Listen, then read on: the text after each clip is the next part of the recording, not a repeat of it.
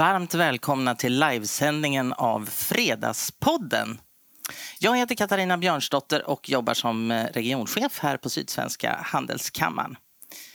Just nu lever vi efter devisen vi ställer inte in, vi ställer om. Och bara den senaste veckan så har vi haft, eller kommer att ha haft, fem stycken livesända webbinarier i ämnen som allt som kriskommunikation, vi har även haft om force majeure-regler, vi har också idag haft om, eh, vi har haft om vad heter det, Incoterms, och idag så har vi då en livesänd fredagssoffa och i eftermiddag så kommer vår vice vd Per Tryding att redovisa ett resultat från en enkätundersökning som vi har gjort som handlar om hur covid-19 påverkar det sydsvenska näringslivet. Eh, den kan ni faktiskt anmäla er till ända fram till klockan 11 idag och sändningen börjar klockan 13 och den kan jag verkligen varmt rekommendera. Vi har andra också intressanta seminarier på gång, bland annat att hur det är att leda på distans, också ett superaktuellt ämne. Och vi kommer också att prata om olika skatteregler och hur de här nya sakerna som regeringen har kommit med, hur det påverkar näringslivet och företagen. Så att eh, gå in och kolla på handelskammaren.com för vi har hela tiden mycket på G och hoppas att ni vill vara med oss även i dessa tider. Nu Varmt välkommen till Fredagspoddens yes, eller Fredagspodden. Ja, det är ju faktiskt en fredagssoffepodd mm. också. Så att, väl, varmt välkommen till Fredagssoffan, Johanna Persson. Tack så mycket. VD för Berendsen här i Sverige. Ja du, det är speciellt. Vi hade ju egentligen tänkt att sitta lite närmare varandra du och jag. Men eh, vi, man har ju lyssnat nu på Folkhälsomyndigheten så vi håller också den här lite social distance. Absolut, mm. det är viktigt. Så att inte jag spottar på dig när jag ställer mina frågor och så. Man vet ju aldrig. Nej, det uppskattar jag. Ja, härligt. Du och jag vi ska ju föra ett samtal här nu om eh, din karriär. Vi ska prata lite om framgångar, motgångar. Vi ska prata utveckling. Vi ska också prata om hur man kommer på idén att springa ett vinmaraton i Bordeaux. Och så ska vi såklart också, det kan vi ju inte undvika, men vi ska också prata om hur Berentsens påverkas av det här covid-19-viruset. Mm. Och det här, vi bokade ju det här mötet för ett par månader sedan. Och vem hade kunnat ana att vi skulle sitta här idag och ha liksom den här, det här läget? Nej, precis. Mm. Det har Hur, gått väldigt fort. Det har gått jättefort, ja. Hur känns det allmänt, tycker du? Nej, det är ju ett väldigt tufft läge. Ehm, sen eh, när man har en stor organisation som vi har och som bygger lite på det du sa att leda på håll så mm. är jag samtidigt väldigt tacksam idag för hur väl min organisation faktiskt reagerar på det vi behöver göra. Och det ger mig också en väldigt trygghet och liksom, det är väldigt mycket kärlek som också mm. kännetecknar den här perioden. Att alla faktiskt hjälps åt och försöker hjälpas åt på alla sätt som går. Ehm, så att det är jag ändå liksom hoppfull kring. Mm. Vi ska också säga det till alla er som tittar att ni får väldigt gärna under tiden ställa frågor i chatten. Och sen så på slutet här så kommer min kollega Johanna Krantz att ställa de frågorna som ni har ställt. Så att bara kör på med frågor så mycket ni kan.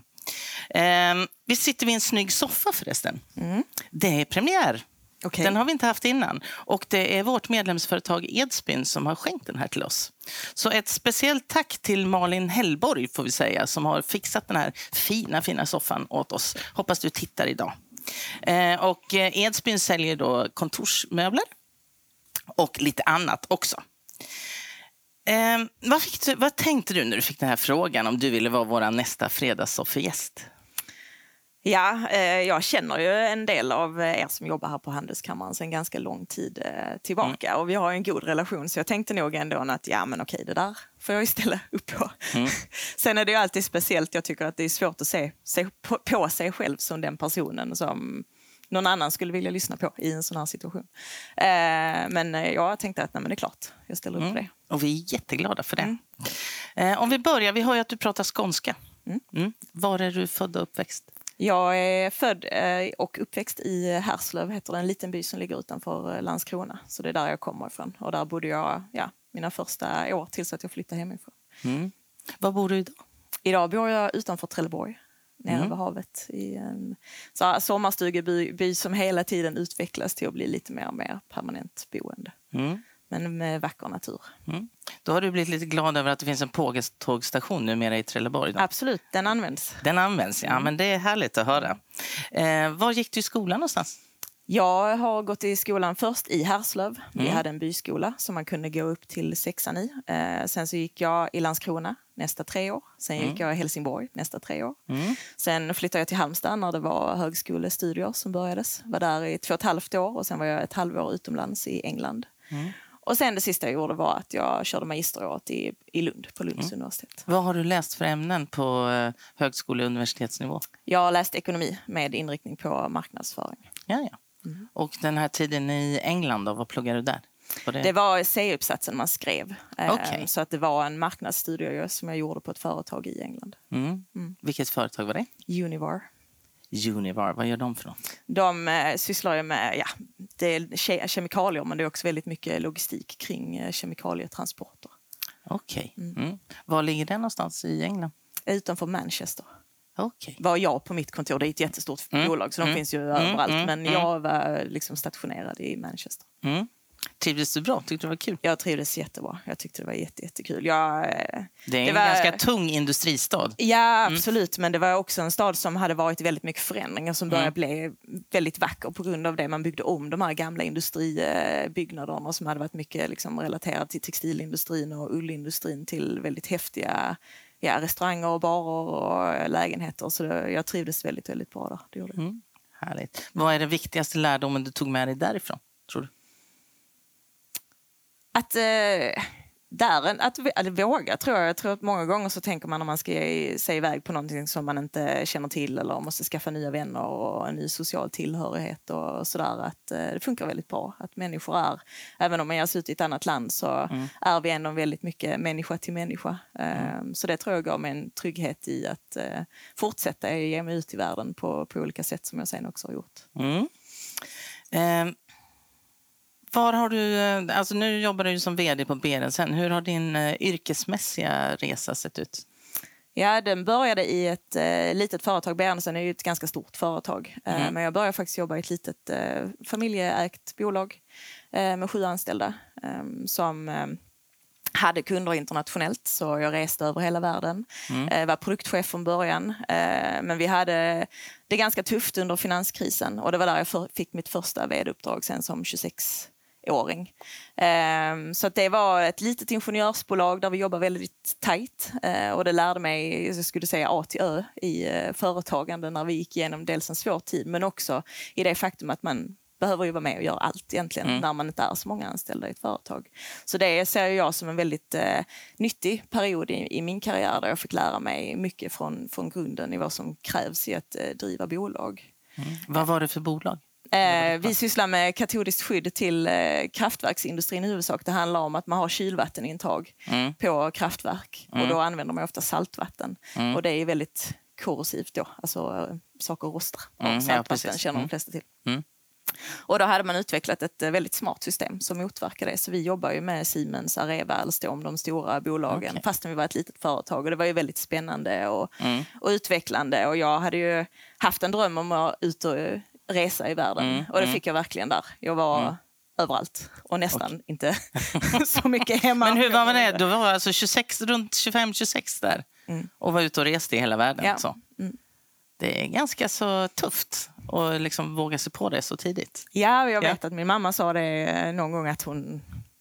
Där och då förstod hon inte riktigt vad jag gav mig ut på. eh, För att vi är väldigt olika i personligheter tror jag. Men vad var drivkraften liksom till att du ville göra det här? Men jag tror det har varit att när man växer upp i en, i en liten by som jag gjorde och där Mm. allting är väldigt tryggt så har jag ju fått en väldigt trygghet i mig själv. Mm. Samtidigt så blev den världen väldigt liten. Mm. Eh, och sen har man ju sett på tv och sett olika platser som man kände att det där vill Mm. jag uppleva. Och, så jag tror att jag har alltid, med den tryggheten jag ändå kunnat ta med mig så har jag inte känt mig rädd för att ge mig ut. Nej.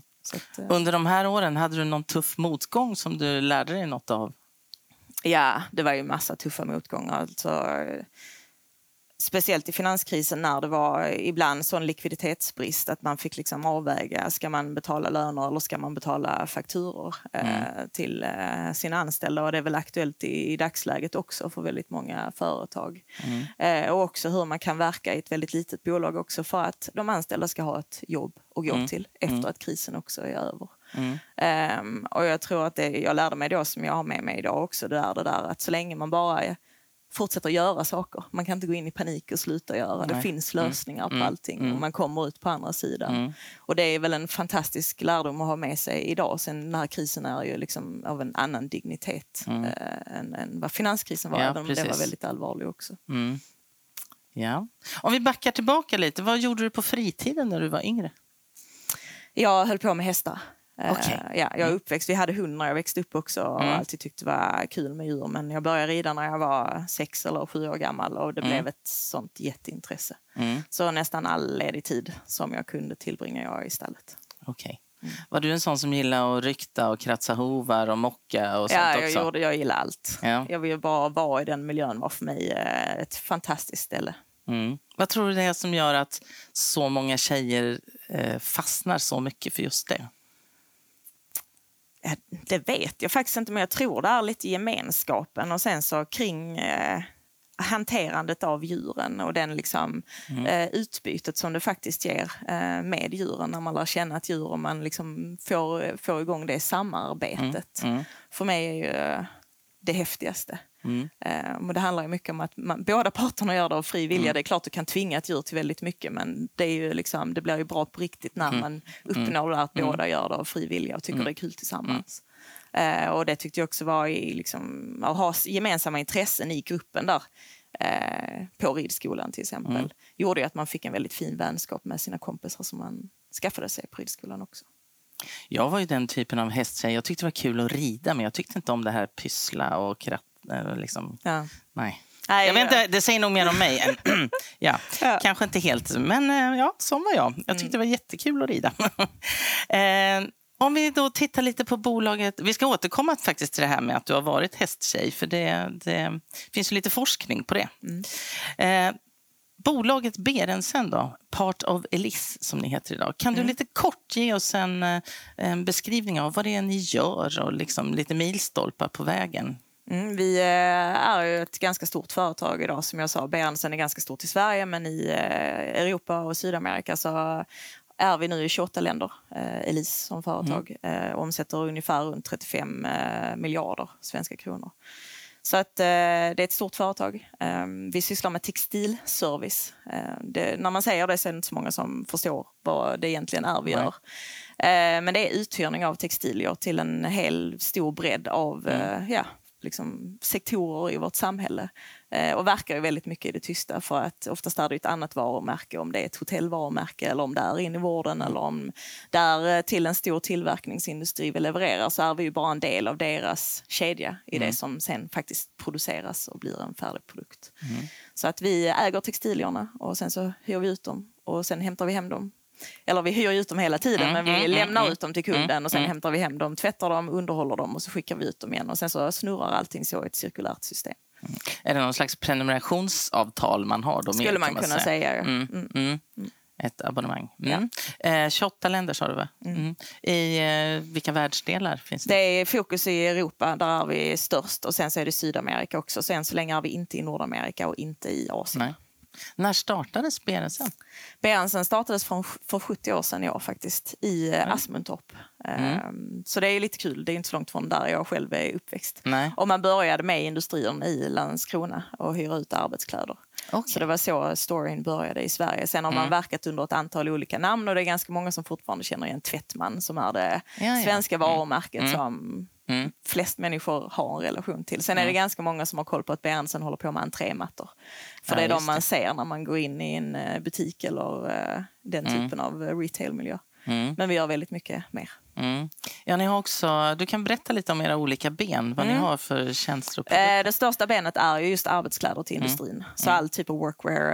Eh, det kan vara flamplagg, eh, ja, vanliga plagg men också olika funktionella plagg som man behöver i sin eh, tillverkning. Mm. Eh, sen har vi även ett leverans till vården. Mm. Så alla typer av både liksom, textil till sängarna men också till arbetskläder levererar vi till vården. Mm. Sen till hotell och restaurang så är det samma sak. Det är både bädd, säng, alltså sängkläder, precis. Mm. handdukar, det är till restaurangen, dukar, servetter men också arbetskläder till personalen. Och sen så har vi även eh, hygiendelen som är tvål. Eh, så den går ju även in både inom vården och den går även inom eh, industrin och den går även den går på tvärs i alla industrier vi befinner oss egentligen. Sen har vi en industri som är den mest rena industrin som är just renrumskunder. Mm. mm. där man har den högsta klassningen på, på renhet som vi har enhet. En enhet i Sverige. och sen har vi matt delen som är mm. också en väldigt mm. stor del av vad vi mm. gör. Eh, vi har också en liten produkt som blir större och större som heter Wipers som är istället för trasor i industrin. Där vi också har ett cirkulärt system för torktrasor. Okay. Så det är breda Många olika grejer. Ja. Hur många anställda har ni här i Sverige? Eh, I Sverige är vi, vi går upp i säsong. Mm. Så som mest är vi 1800 anställda men basbemanningen är någonstans mellan 1400 och 1500 anställda. När är högsäsong? Det är mitt på sommaren i, i huvudsak. Okay. Eh, vi, det, vi har lite olika högsäsong. För mm. Vintern är högsäsong för mattbusinessen när det är väldigt blött ja, och regnigt och salt snöigt och, och salt. Så. Mm. Eh, men på hotellsidan då, förutom i år, eh, mm. som det ser ut att bli eh, en annan situation såklart, så dubblar vi nästan vår verksamhet under sommarperioden jämfört med hur det ser ut resten av året. Mm. Eh, har ni huvudkontoret här i Malmö? Ja. ja. Mm. Hur många har du i din stab? Ja, det beror på hur du definierar min stab. Men, men på, alltså de som jobbar mer administrativt? Ja, då. precis. På mm. huvudkontoret där sitter i och för sig säljstyrkan också. Så mm. jag skulle säga att staben är väl någonstans runt eh, 35-40 anställda. Mm. Var ligger era tvätterier någonstans? Från eh, Luleå i norr till Limhamn i söder. Okay. Så att vi är spridda över hela Sverige, 26 olika anläggningar. Oj. Mm. mm. Ja, nu är det ju nya tider. Alltså helt annat. Och ni är ju verkligen i olika branscher. Ni är både inom sjukvård och ni är i hotell och restaurangbranschen mm. också. Mm. Eh, och likadant det här med hygienprodukter. Det är ju liksom så högaktuellt som det bara kan bli idag. Mm. Hur, hur upplever ni liksom situationen här och nu? Hur påverkas ni av covid-19? Ja, vi påverkas ju i, i högsta grad, mm. eh, precis som du beskriver.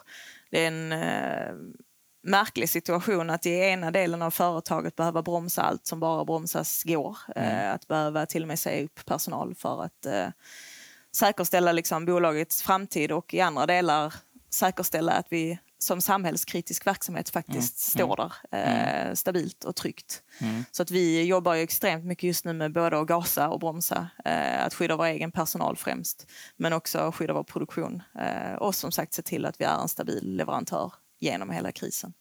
Så att eh, det pågår arbeten på väldigt, väldigt många plan och det, det, är en speciell eh, tid. Men jag kommer tillbaka till det jag sa i början att jag tycker ändå att jag har en fantastisk personal och det vill jag säga som alla mm. tar sig an det här med, mm. med att göra allt vad man bara kan. Um, och jag tror vi, vi är ett serviceföretag mm. och det syns även i dessa tider. Um, det kommer vi inte att ge avkall på.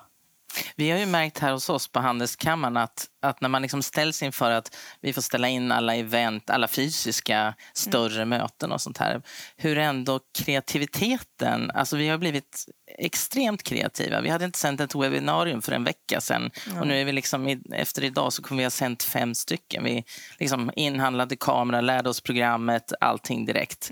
Mm. Eh, och likadant kommit på mycket ämnen då som vi kan hålla seminarier kring. Så att man känner verkligen att kreativiteten sprudlar hos alla. Mm. Eh, och jag kan tänka mig att det är likadant hos er. Jo, men så är det för att samtidigt hos de kunderna som vi har som har det väldigt tufft så försöker vi jobba på alla fronter för att försöka hjälpa dem mm. och hålla igång den verksamhet som de ändå har kvar på bästa sätt. Så där mm. jobbar vi väldigt tajt med dem med att ställa om leveranser och försöka hjälpa dem ändå att hålla igång det som finns eh, kvar. Eh, och sen på andra sidan så jobbar vi extremt mycket just nu för vi har ju daglig kontakt med mm. våra kunder. Det är ju mm. en förmån som vi har mm. att vi kan ha väldigt tät eh, dialog. Så vi jobbar väldigt mycket och tittar på flergångsalternativ för att kunna hjälpa till med bristen om med engångsmaterial helt enkelt. För att det finns ganska mycket som man, av engångsmaterialet som man faktiskt kan byta ut mot flergångsmaterial. Okay. Ehm, så där jobbar vi väldigt mycket nu, bland annat ihop med vården för att se om det är labbrockar till exempel eller mm. andra material som vi kan eh, skicka in på, på kort eh, ja. Mm. Mm. Jag tänkte på det, när ni får in då, eh, alltså kläder och annat, annat, andra saker, lin, sänglinne och sånt, från sjukvården i dessa tider. Mm. Har ni höjt beredskapen också?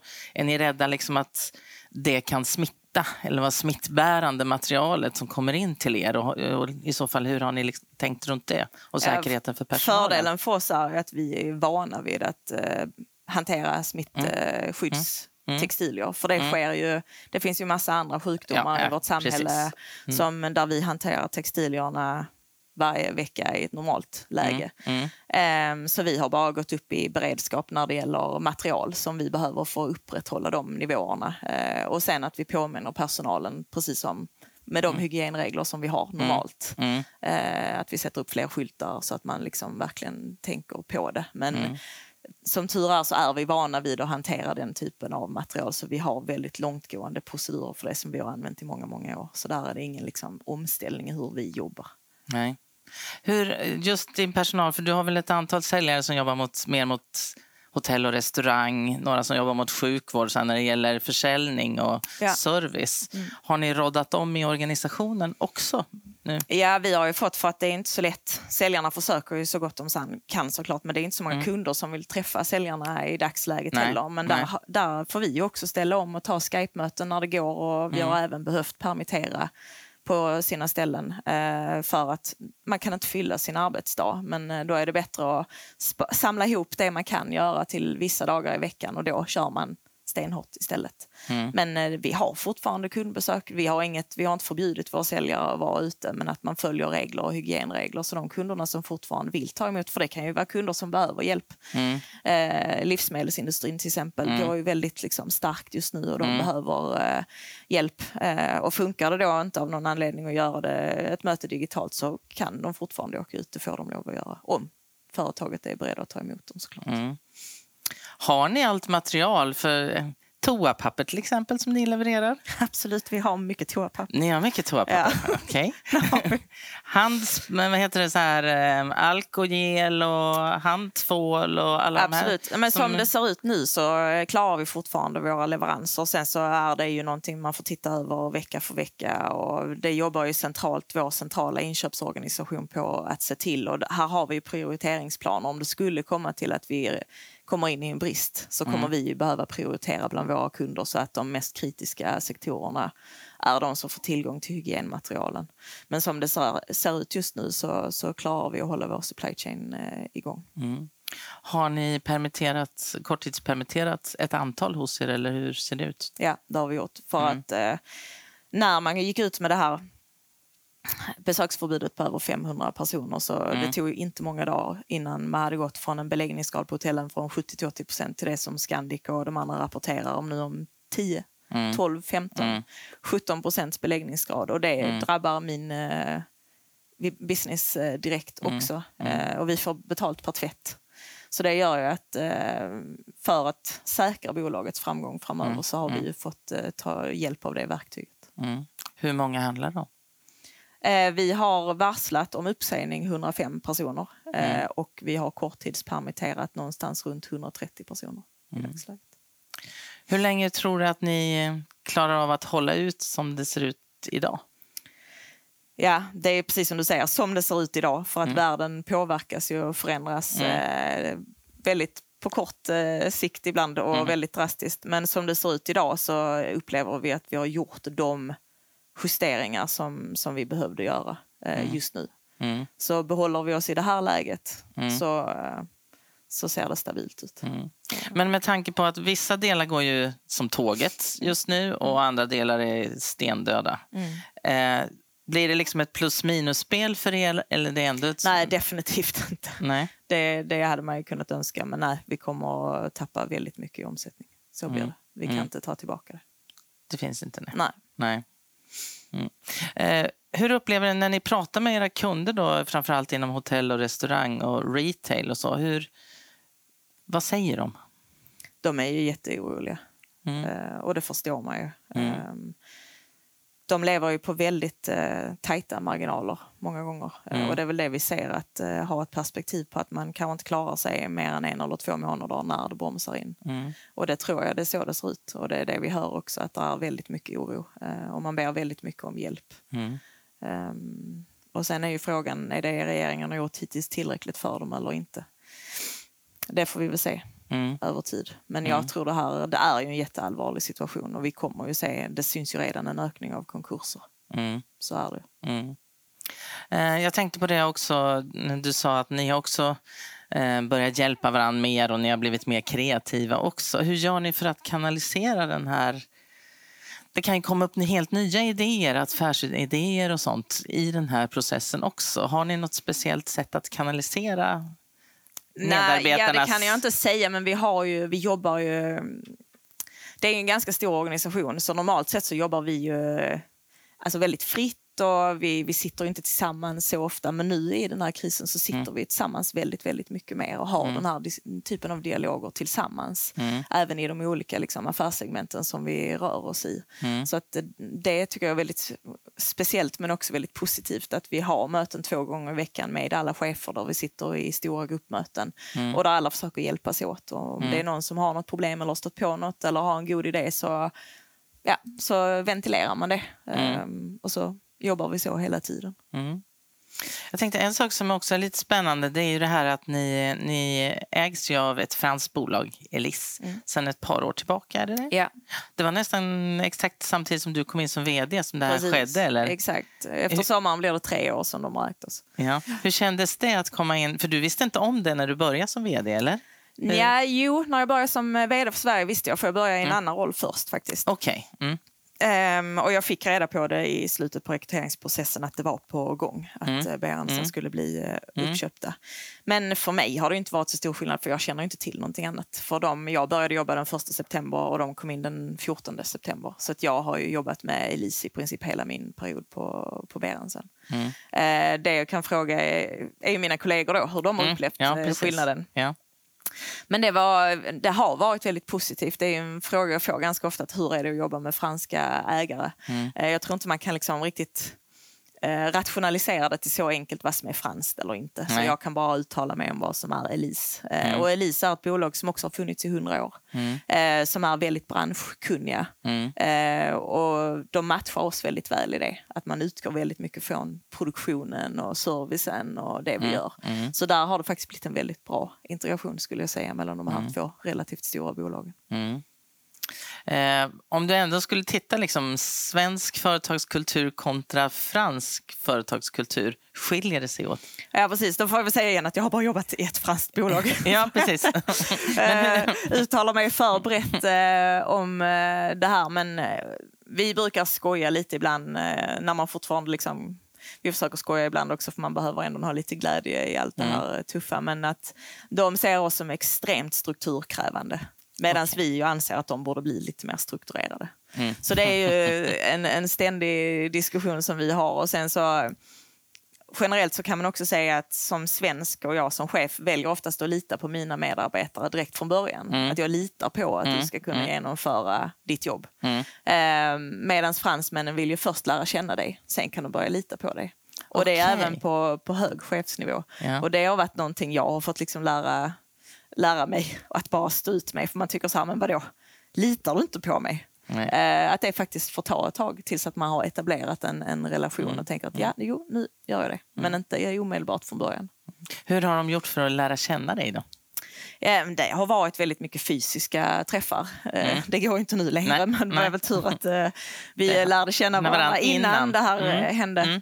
Men det har ju varit att man har varit en hel del nere i Paris och sen har vi också en CEO som reser runt väldigt mycket i länderna så att han är uppe hos oss uh, minst två gånger om året mm. och där vi sitter en hel dag och går igenom allting på väldigt detaljerad nivå. Så då lär mm. man ju känna varandra också mm, mm. över tid. Mm.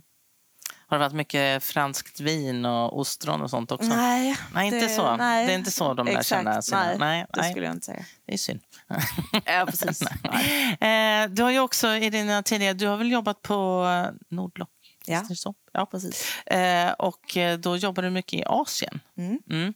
Det började egentligen med det första jobbet där vi hade ett, eh, ett antal projekt ute i Asien. Mm. Så det var första gången jag egentligen fick uppleva Asien. Mm. Och det blev ju en kärlekshistoria. Eh, jag kan inte förklara varför men jag bara tycker det är ett, ett väldigt häftigt ställe på vår eh, jord. Och sen eh, på Duni så fick jag ju möjligheten att flytta Mm. ut och bo i Singapore också i Mm. två år. Eh, vilket var en helt fantastisk upplevelse.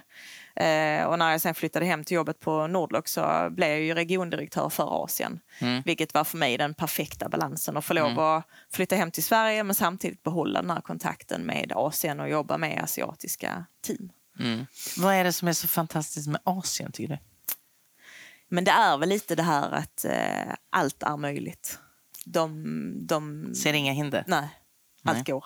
Mm. Eh, och det ska bara gå. Mm. Ehm, så det är någonting i det, liksom andan i. eh, Men det är ju att de lever i en sån väldig förändringstakt också. Mm. Hela tiden. Mm. Eh, men det tycker jag är häftigt. Hur är det att ha asiatiska medarbetare? Är det, för vi är ju vana vid konsensus, vi har väldigt platta organisationer, ingen liksom, Mm. hierarki i stort sett att tala om och man har inte sån respekt för chefen. Som, Mm. Hur ser det ut eh, där? Ja, men jag skulle säga att över tid så funkar eh, den svenska ledarskapsstilen absolut också. Mm, Eh, eh, ute i Asien. Det var precis när jag flyttade ner till Singapore så minns jag i början att de upplevde mig som väldigt luddig och så här otydlig. Mm, eh, mm. Och när man kommer från någon tidigare chef som kan ha varit väldigt hierarkisk till någon med svenskt ledarskap där vi ska Mm. liksom tala om allt och där jag frågar Mm. vad du tycker hela tiden Mm. så tyckte de ju det var lite obehagligt i början. Ja, Men där var det samma sak när vi lä- väl lärde känna varandra så blev det ju inte det längre. Eh, men det var ju ganska lärorikt för mig själv att titta på mig själv utifrån och eh, behöva justera mitt ledarskap tills att vi nådde någon form av mittemellan Mm. Mm. eh, situation som, som funkade. Så du blev lite, fick att bli lite tydligare Eh, ja, ja, och precis. tycka mest själv ett tag. ja så. Mm. precis. Mm. Ehm, din ledarstil, vad skulle du säga utpräglar den? Jag, jag, jag skulle säga att den är en eh, öpp, öppenhet och ärlighet. Ehm, och det tror jag ibland är det kanske inte helt välkommet att man är helt öppen och ärlig hela tiden. Men jag tror över tid så är det en väldigt transparent ledarskapsstil. De som jobbar med mig över tid eh, vet att det jag säger är det jag menar också. Att jag är väldigt ärlig på det sättet och de kan se på mig direkt om det är liksom Mm. tumme upp eller tumme ner. Mm. Eh, Det tar ju ett tag att vänja sig vid. Men Mm. eh, över tid så blir det en väldigt direkt och bra relation har jag upplevt det.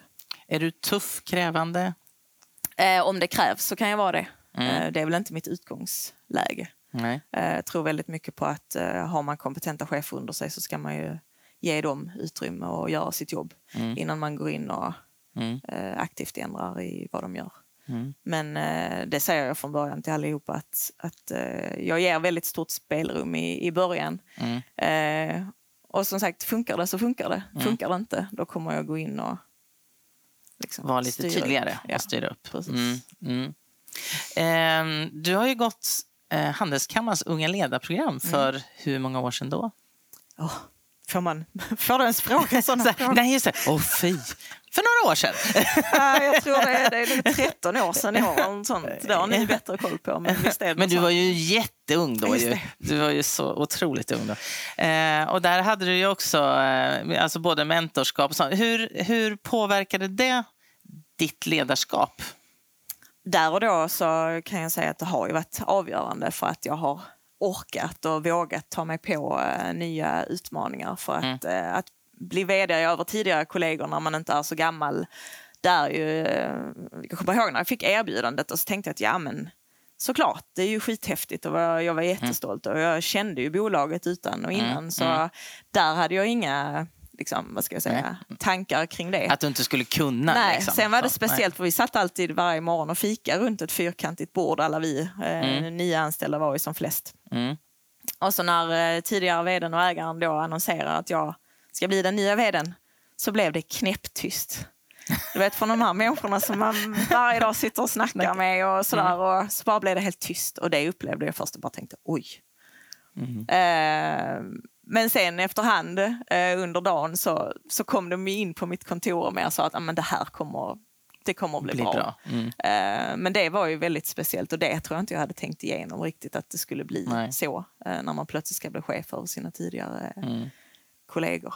Och kanske att det inte var att de inte hade förväntat sig heller. Nej, alltså, precis, att det blev exakt. som en liten chock. Ja, men när man väl sen får tänka så... Precis, och det Ja. gjorde ju att jag var Ja. tvungen till att ställa upp om och då ha en mentor som jag fick via Handelskammarens Mm. unga ledare gjorde ju att liksom de omställningarna som jag behövde göra istället för att prata med kollegorna som man kanske upplevde man kunde göra tidigare så hade jag nu en mentor som jag kunde ha den dialogen med vilket underlättade för mig och Mm. Mm. gjorde så att jag liksom jag lyssnar ju mycket på ändå mig själv men att känna Mm. att någon annan säger att jo men kör på. Mm. Har ni fortfarande kontakt efter de här 13 åren? Vi har faktiskt det. Härligt att höra. Mm. Så det blev en vänskap för... Det blev det. Mm. En väldigt speciell eh, vänskap som jag är väldigt glad för. Mm. Härligt att höra. Eh, jag tänkte på det, du är ju något av en kvinnlig förebild också som vd och som börjar som vd och ledare så ung också. Hur ser du på, hur ser du på det? Vill du vara den här förebilden och liksom Ja, för men andra alltså, det var kvinnor? lite det jag sa i början, att det är alltid svårt att se sig själv i spegeln och tänka på sig Mm. själv på det viset. Det gör ju inte jag alls. Men samtidigt så har jag ju själv haft förebilder som har varit kvinnor Mm. och sett det som en väldig tillgång för att man själv har känt att men då, jag ska ju också klara det här. Mm. Vilka har du haft Eh, som förebilder? Jag har inte haft någon eh, som jag har känt, men det har ju Nej. varit de som har varit i, i media. Eh, Annika på SE-banken liksom, och de där kvinnorna som ändå Mm. var väldigt mycket Mm. i media och som har ja, stått fram eh, som väldigt liksom, trygga och tydliga bolagsledare ändå på Mm. väldigt hög eh, nivå. Mm. Som har för mig varit inspirerande. Mm. Du finns ju med på Handelskammarens 100-lista också. Mm. Hur ser du på den, det initiativet och den satsningen? Ja, jag, jag är ju själv inte engagerad i någon styrelse och har inte varit. Nej, Jag har aldrig nej. suttit i någon professionell styrelse. Men, men det är klart att man upplever att det är lite konstigt att det skulle vara en sån snedfördelning som Mm. vi ändå har. Så att alla initiativ som kan bidra till att ändra på det Mm. är klart att jag är med och stöttar. Härligt att höra. Och det är ju det här också, som jag sa att vi skulle återkomma till. Eh, det har gjorts undersökningar på det faktiskt. Eh, även skrivits någon uppsats och sånt. Eh, om att det just är hästtjejer som ofta blir ledare. Mm. Vad tror du att det beror på? Men jag läste också någon sån där studie någon gång för, eh, ja, jag har några vänner som eh, man på sociala medier och så, så delas det ju och så läste jag det och då var det det här att eh, de har kommit fram till att man får både mod och handlingskraft när man hanterar de här stora djuren som ju är flyktdjur i grunden väldigt Mm. mycket. Så det Mm. krävs ju att man är väldigt tydlig. I eh, sin kommunikation? i sin kommunikation. Liksom, Ja. För annars kan det bli väldigt eh, konstiga situationer. Mm. Och, och att det då bryter normerna lite för hur kanske tjejer och killar annars normalt är. Så att Mm. hästtjejer blir någonting mitt emellan i att man får eh, ja, utveckla den här handlingskraften Mm. eh, med de här stora djuren. Och jag minns en gång, min pappa han har alltid varit livrädd för hästar och sen var i början var han med mig i stallet stackaren. Han är allergisk dessutom. Men eh, eh, så berättade han att jag gick in till någon häst och jag var ju ganska liten och Mm. liksom väldigt smal när jag var liten. Och, och han liksom tänkte så här, ska jag gå in? Men han vågade inte. Och sen sa han bara, ja och sen när jag ser den här lilla ungen liksom bara knuffa till hästen och flytta på den. Han bara, okej, jag står kvar här utanför. Hon klarar det bättre än mig. Så ja, men där ligger väl någonting eh, i det. Mm. I att man blir lite modigare Mm. än vad man kanske var innan. Mm. Du, vad tycker du är det bästa och roligaste med ditt jobb? Vad får du liksom kickar av? Så här? Vad är det som gör att du studsar upp? Ja, nu sa du att nu vaknar du extremt tidigt här i dessa tider. Men Mm. vad är det liksom som får dig att li- bara... Nej men det är eh, förändring och förbättring. Eh, eller förbättring och förändring skulle jag Mm, vilja säga. mm, mm. För jag tror att allting kan alltid göras lite bättre. Ehm, och har man en möjlighet att titta på saker med lite andra ögon eller göra det på ett annat sätt eller testa nya saker Mm. eh, och även lyckas med någonting som man kanske trodde var väldigt svårt från början eh, så är det väldigt, väldigt belönande. Mm. Eh, och sen älskar jag att jobba i teamet. Ehm, och speciellt både i framgångstider men också i tider som nu. När man har som mitt ledningsteam Mm. eh, där vi går tillsammans och blir en sån kärna. Eh, och alla bara högproducerar varje dag. Det tycker jag är också en, en extremt häftig känsla. Mm. Ja, härligt, härligt. Vad är din absolut största framgång? Som du har... Oj, vilken svår fråga. Ja. När du liksom bara kände wow, yes.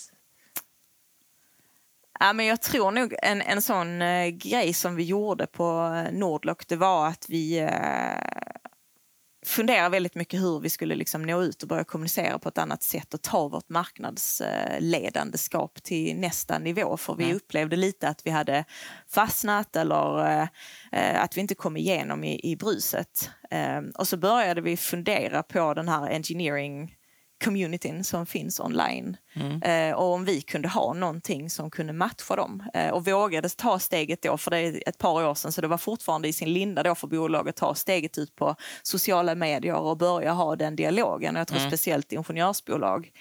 Eh, och vi lanserade en film som egentligen var tänkt som en intern film eh, för våra säljare. Så vi ändå tänkte att nej, men den provar vi lägga ut. Mm. Den var alldeles för lång om man lär sig idag. Jag tror den var åtta minuter lång, vilket var ju helt eh, fel Galet, ja. Mm. om man skulle följa reglerna. Eh, precis innan jul.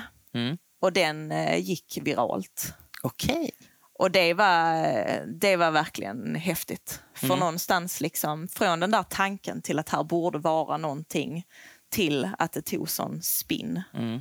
Eh, det var en väldigt häftig upplevelse. Och det märktes i försäljningen sen också. det, det är ju alltid hönan och ägget. Ägget, det var ett ja, företag ja, som det gick precis. väldigt bra för men det fortsatte ju att gå väldigt, Mm. väldigt bra. Mm. Eh, och säljstyrkan började få leads via de sociala medierna också. Så vi börjar ju hela den omställningen kring liksom hur vi kommunicerade externt och digitaliseringsprocessen och allting. Och det blev väldigt Mm. mycket lättare när organisationen också ser att du får en sån succé. Mm. Vi behövde ju inte övertala någon sen efter det Nej. längre. Nej. Härligt. Mm. Nu ska vi ha lite frågor från er som sitter och tittar. Det har tydligen trillat in lite, eller hur Johanna? Ja, men vi har ju en fråga här ehm, och den är eh, hur gör ni för att attrahera talanger? Vi eh, jobbar väldigt mycket, eller sen jag kom in egentligen, med eh, att kommunicera kring våra värderingar och eh, mycket liksom vad vi står om, Mm. eller står för som bolag. Eh, Berensen var ju ett ganska, eller är ju ett okänt varumärke, men vi har jobbat väldigt hårt med att försöka få oss lite mer tydliga i vår kommunikation när det gäller vad vi står för och vad vi jobbar med och hela hållbarhetsmodellen i vår cirkulära affärsmodell och sådär. Och det upplever vi har gett väldigt god eh, effekt på just talangattraktionen också i de yngre generationerna. Att det är någonting man vill jobba för någonstans där man kan väldigt tydligt beskriva vad är värderingarna i det här bolaget och hur bidrar vi till någonting större eh, än att bara tjäna pengar. Mm. Eller så. Vilka är era värderingar och vad är det här liksom högre? Precis. Alltså våra värderingar är, är respect, integrity, responsibility och exemplarity. Eh, och det är väl bara ord som de är. Men det handlar väldigt mycket om vi har en stor spann i vårt eh, företag. Allt från människor som står i insorteringen på ett tvätteri till såklart det som görs på huvudkontoret i eh, Paris. Mm. Eh, men vår CEO, varje gång han kommer ut i produktionen så går han och skakar hand med alla våra anställda. Alltså vi har en väldigt närhet. Det är väldigt viktigt att man respe- respekterar varje individs arbetsinsats i vårt bolag. Eh, oavsett vad som står på ditt eh, visitkort. Mm. Så det är en väldigt familjär känsla skulle jag beskriva det Mm. som. Samtidigt som vi tar ett väldigt stort eh, miljöansvar och ligger i framkant när det gäller alla investeringar egentligen för att få till eh, ett hållbart samhälle. Eh, och där vi har satt väldigt ambitiösa hållbarhetsmål också. Ja, för ni har ett helt så, alltså, väldigt miljövänliga tvätterier och Ja. lite... Mm. Precis. Mm. Fler frågor, Johanna? Ja, men vi har en till här. Eh, är det någon fråga som du, tycker, som du tycker Katarina missat att ställa? So far. Nej, det kan jag nog faktiskt inte säga. Det kan, jag kan inte komma på något här nu. Nej. Nej. Nej. Men vi har em, lite avslutning med lite ännu mer personliga frågor. Och det, alltså det är ett krävande jobb att vara ledare över så många och ha ett sånt stort bolag, ansvar för ett sånt stort bolag. Hur gör du alltså för att ladda dina batterier? Ja, jag tror ibland får man inse att det går inte riktigt att ladda så mycket batterier. Utan jag tror i vissa perioder får man bara köra på sitt adrenalin och, och eh, så länge som det går. Men eh, varje dag så, eh, jag har förmånen att bo nära vattnet och havet har blivit en sån eh, ett lite, en liten plats för mig där jag kan eh, andas. Så det jag försöker göra varje dag, en promenad eh, vid havet. Och sen har jag en hund. Jag, som sagt, jag håller inte på med hästar längre för det får jag inte riktigt ihop i, i agendan. Men Nej. hund, eh, hundar har följt med mig hela livet. Och för mig den glädjen som en hund en hund har ju ingen aning om det är corona eller någonting annat som, som drabbar en. Nej. Även om de kan vara väldigt empatiska. Men, men det är också energigivande med en tokig hund hemma. Vad har du för, vad är det för ras? Eh, Jag har en Staffordshire bull terrier. Okej, det är en sån riktig lite kamphundsaktig. Ja, det säger de flesta. Ja. Alltså det är ju, det är klart att de eh, har det epitetet sen tidigare men idag är de ju faktiskt definierade som sällskapshundar. Och eh, man ska alltid veta vad man köper för ras. Mm. Men det är världens snällaste hund. Jag, jag har aldrig haft en så snäll hund i hela mitt liv. Hon, sitter man, säger man till henne att sitta så sitter hon där tills att du säger till att hon får gå någon annanstans. Och, och det har jag aldrig varit med om innan. Så det är extremt snäll. Så den rasen eh, det var en väldigt eh, härlig ras att ge sig in i måste jag säga. Har du eh, gått och utbildat henne också? på? Ja, vi har gått lite så valpkurs och allmän lydnadskurs men mest för att lära känna varandra. Och just nu börjar, har vi, går, vi börjar faktiskt i måndags på en agilitykurs för att det fick man fortfarande lov att göra. Okej. Så ska vi se. Det hörde jag nu eh, för ett tag sedan att Agility SM ska ju vara i Ystad. Mm. Nu i sommar, någon gång i juni tror jag det var. Men jag tror de har nog fått flytta det. Ja, om Ja, de inte har fått flytta det. Mm. Men det kommer i alla fall att vara här nere i Ja, Sydsverige ju nästa gång. Så de det, så det måste jag har ju inte sådana roligt. ambitioner då. Nej, inte. Med min lilla Va? hund. Nej. Men det är häftigt att se på dem som verkligen kan. Kan, ja. Och är- man ser hur glädjen i hundarna och Mm. speeden de håller. Det är coolt. Mm. Balansen då mellan jobb och fritid, tycker du det funkar bra? Ja, men det tycker jag. Jag eh, sen är det klart, om man tittar utifrån, vad är en balans egentligen? Det är klart att min balans är väldigt mycket jobb Mm. eh, och mindre fritid för mitt, eh, mitt arbete ser ut så. Men jag har ju valt det eh, och får ju väldigt mycket energi av mitt jobb också. Eh, men sen jag försöker hålla våra kontorsarbetstider till exempel så att jag går hem i tid. När det liksom inte är ovanliga tider så försöker jag göra det och ta semester och ja, njuta med Var en min bra familj. förebild där också. Så att man Absolut, inte... för det tycker Mm. jag är viktigt. Jag tycker inte det är någon sport att man ska sitta och mejla liksom fyra på morgonen och visa sig duktig på det viset. Det ska man kunna klara av Mm. annars också. Så vet jag när du och jag pratade så sa du att du tycker om att jobba mycket fysiskt också. Mm. Mm. Så det är ju... Vad är en nuvarande projekt sådär hemma? Nuvarande produkt är att vi bygger om. eh, Den här, vi köpte ju en, en gammal sommarstuga som Mm. vi håller på att bygga om just nu. Så att, eh, det är det projektet. Mm. Är det befriande i sådana här tider att gå loss med en kofot? Och... Ja men det kan det ju vara. Eller som jag bara, jag stod och dammsuga hela bygget i, i söndags liksom, i två och en halv timme. Det är ju världens tråkigaste uppgift. Mm. Men det kan ju vara ibland väldigt ja, meditativt Mm. att bara göra en sån enkel uppgift. och få se liksom att det blir resultat Ja, direkt. det blev väldigt rent och Ja, det är precis. Ehm, om du inte kunde känna någon form av rädsla, Mm. alltså du hade inte, du var inte, vad skulle du göra då? Då skulle jag simma med blåvalar. Okej. För jag är livrädd. För både mörkt vatten, djupt vatten. Eh, jag har dykcert och så. Så att jag är ändå... Men, men Du är livrädd för det, men du har Ja, dykcert? men, Okej. men eh, Jaha, att hoppa mm. från en, en båt. Och jag kommer ihåg jag var och hälsade på en kompis som bodde på Hawaii. Och så var vi ute och simmade med del- delfiner. Och det var ju Mm. skithäftigt. Mm, Ehm, och så eh, ropar de upp alla i båten och de bara säger någonting och alla blir helt eh, liksom, upphetsade och är jätteglada. Mm, mm. Och jag bara, vad är det, vad är det? De har sett blå valar. Och vi satt i en jätteliten gummibåt och de bara så här, började köra ut där. Och jag bara, nej, kände jag. Nej, jag, jag vill inte detta. Liksom. Fattar ni hur stor, stor en blåval är? Och den här gummibåten är pytteliten. Det är bara att googla på Youtube så kan ni se sådana videos som... Så, Är det sånt du sitter och gör? Nej, det gör jag nej, inte, för det mår jag inte bra av. Men ehm, hade jag då inte haft någon rädsla så hade jag jättegärna hoppat i med de här gigantiska varelserna och tittat på dem under vattnet. Mm.